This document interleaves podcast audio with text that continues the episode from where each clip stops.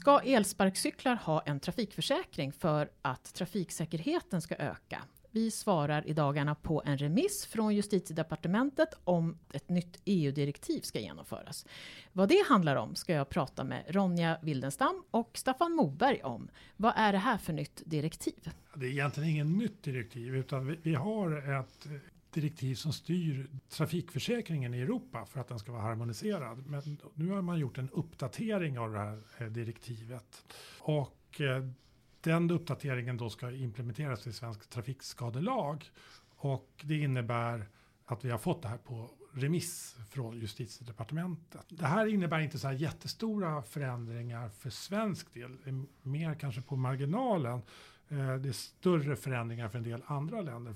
Och det beror på att vi har ganska långtgående konsumentskydd redan nu i vår trafikskadelag. Men de förändringar då som kommer beröra oss, det, det är att man eh, har velat reglera de här nya kategorierna med, med mindre lätta eh, elfordon som färdas på våra gator och vägar. Och framförallt tror jag att man har tagit sikte på de här elsparkcyklarna eller elskotrarna då som, som används till stor del.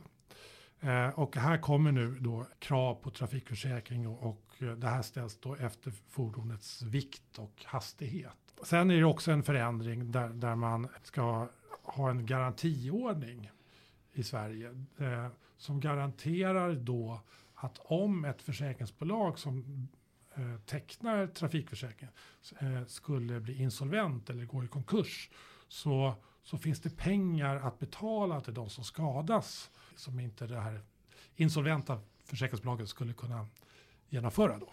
Men det låter ju jättebra. Ja, det är ju bra att vi får så enhetliga regler som möjligt inom EU och att flera av de här lätta elfordonen, till exempel elsparkcyklar, får en trafikförsäkringsplikt så att det finns någon form av skyddsnät vid olyckor. Ja, men du låter inte helt nöjd ändå va Ronja?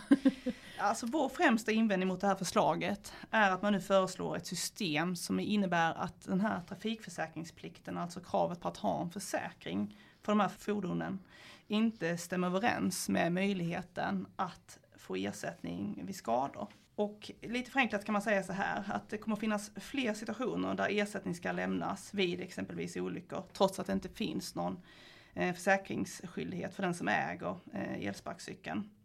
Så om en skada uppstår så ska, de, så ska istället Trafikförsäkringsföreningen ersätta. Och det kan ju låta bra. Eh, man kan ju tänka att det viktigaste är att ersättning utgår. Men Trafikförsäkringsföreningen finansieras ytterst av försäkringstagarna. Det vill säga alla som har en trafikförsäkring så förslaget innebär att alla som har en trafikförsäkring också ska betala för dem som slipper teckna en försäkring och det tycker vi är olämpligt. Speciellt om man tänker då på att vissa av de som eh, nu förmodligen slipper att teckna en försäkring är företagare, till exempel de som hyr ut elsparkcyklar. Enligt vår uppfattning hade det varit bättre om den här skyldigheten att ha en försäkring överensstämde med möjligheten att få ersättning. Sen finns det egentligen en del andra problem med de här förslagen också. Eh, eller snarare, det finns en del eh, frågor som departementet borde ha tittat på men som de inte gör. Eh, det, kan det rör till exempel att det föreslås inte någon registreringsplikt för de här elsparkcyklarna som ska ha en försäkring så det kommer bli svårt att identifiera dem när det gäller fordonsklassningen så är det också oklart för många av de här. Hur ska man se, är det mopeder, är det motorcyklar? Ja, vad det var. Vad det var, det ingen riktigt vet och det får man inga svar på heller nu. Ännu mer besvärande är väl egentligen eh, ur allmänhetens synpunkt att det inte lämnas några förslag på hur man ska kunna stärka trafiksäkerheten när det gäller de här fordonen. Det finns inga krav på utbildning eller utrustning eller annat och det tycker vi är bekymmersamt. Hur kommer det sig att man inte har tittat på hela paketet om man säger så? Nej, men jag, jag, jag, tror att en miss, man kom igång sent med det här arbetet på justitiedepartementet och man har inte haft tillräckligt mycket eh, kontakt tror jag med eh, bland annat försäkringsbranschen i de här frågorna.